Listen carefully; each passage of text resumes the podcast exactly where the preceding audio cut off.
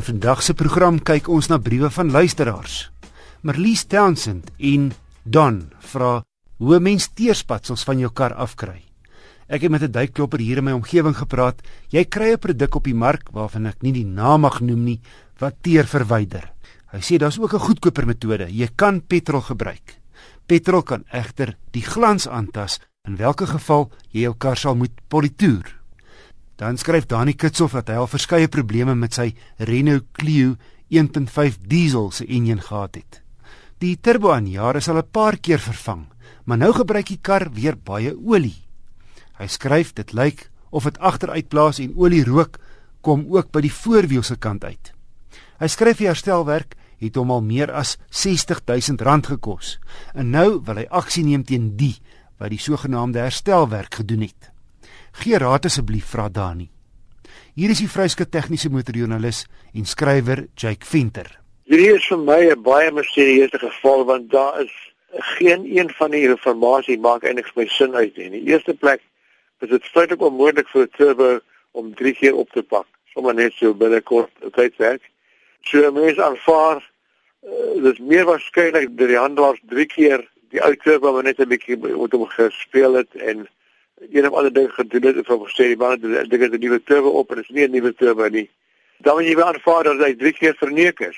Ander ding wat nie sin uitmaak nie is is, is jy drie keer moet die enjin opdoen wat die turbo uh, ingegee het, gaan jy meer kos as 60000 rand.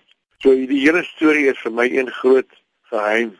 Ek weet nie werklik wat die antwoord is nie. Wat my aanbetref, al wat die luisteraar kan doen is om om die kar te verkoop so vinnig as moontlik. Jake, nou moet ek ook vir jou sê Hy noem nie spesifiek dat hy die voertuig na 'n handelaar geneem het vir herstelwerk nie so. Ja, dit sou kan 'n privaat werktuig kunnen gewees. Jake in 'n turbo aan jaar is 'n hoë tegnologie onderdeel. Dit is so en om een te dien vir die turbo het, moet jy baie uh, mooi te werk gaan. Jy moet seker maak dat jy gereeld die inlaat lugfilters vervang en jy moet gereeld skoon olie kry as jy daai twee goed nie doen nie, dan sal hy baie vinnig besluit hy wil nie meer werk nie. Staan jy nog steeds uh, skepties uh, teenoor turbo aanjaars? Ja, die probleem is die turbo is 'n ding wat maklik oor die 200 000 OPM doen. Dis baie kleiner turbos en tweedens is daai turbo wiel is rooi warm binne die uitlaat verdeler. En die helfte van sy as is rooi warm. En dit beteken dat alles in die enjin moet absoluut in toptoestand wees anderster gaan die turbo swaar kry, die turbo gaan oorverhit of jy genoeg inkry nie, dan gaan die turbo ook oorverhit. So dis 'n hoë tegnologie voorwerp wat nie sommer gedien moet word deur enige persoon nie. My tegniese medewerker Jake Venter. Dani die motorbedryf se ombudsman kan dalk help. Die telefoonnommer daar is 086 11 646 72. Ek herhaal 086 11 64672. Dan vra luisteraar Piet Leroux: Wat sê die wet oor motorfietsse wat tussen bane ry? En hy noem dat hy onlangs byna in 'n ongeluk betrokke was toe 'n groot motorfiets teen 'n spoed tussendeur verkeer gevleg het. Hier is Rob Hanfield Jones. Hy's die bestuurende direkteur van driving.co.za. Dit word nie uh, spesifiek verbied nie. Dit is eintlik wettig. Uh, of dit verstandig is is weer 'n ander vraag. En as ek in 'n rye verkeer sit en ons doen sê nou maar 20 km/h en 'n motorfiets kom teen 40 verby. Is die spoedverskil tussen die verkeer en die en die motorfiets redelik minimaal. So die kans is dat as 'n motoris van bane sou verwissel sonder om te kyk, dat die motorfiets wel sou kon stilhou of uit die pad uitkom. Maar waar die probleem inkom is waar die verkeer 20 of 30 km/h doen en die ouens vleg teen 80 of 90 km/h daar tussenin.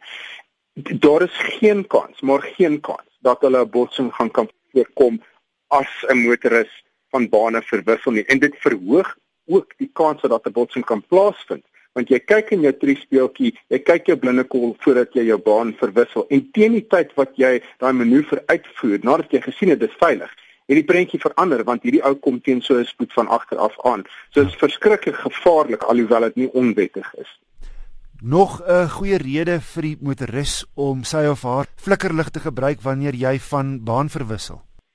Presies, om seker te maak dat as daar 'n motorfiets tussen die bane afkom dat jy hom vroegtydig waarskuwing gee. Maar ek wil net hier 'n ding sê, want daar is lyk like my 'n bietjie spanning tussen motoriste en motorfietsryers aan die een kant moet motoriste seker maak dat dit veilig is om in ander spasie in te beweeg. Moenie van bane verwissel voordat jy nie ten minste jou speels en jou binnekom nagegaan het nie, want daar kan dalk 'n motor 'n motorfiets wees in daai ruimte langs jou voertuig wat jy nie in die speeltjie kan waarneem. So dis die eerste ding, maar weer aan die motorfietskant. Jy weet ek se daagliks in verkeer en ek kyk hoe sleg en hoe uh, onverskillig is die padgedrag van baie motorfietsryers. So dit help nie die motorfietsryers draai om en sê vir die motoriste ja, maar julle is varke en julle gee ons nie spasie en so aan nie. Die motorfietsryers moet ook na hulle eie gedragspatrone kyk en en verstaan dat hulle die paaie deel en dat hulle baie meer opsies het van wie hulle kleiner grootte as die gemiddelde motoris in 'n motor self. Rob Anfield Jones van driving.co.za Stuur gerus enige motornavrae na my deur te e-pos na wissel@rsg.co.za.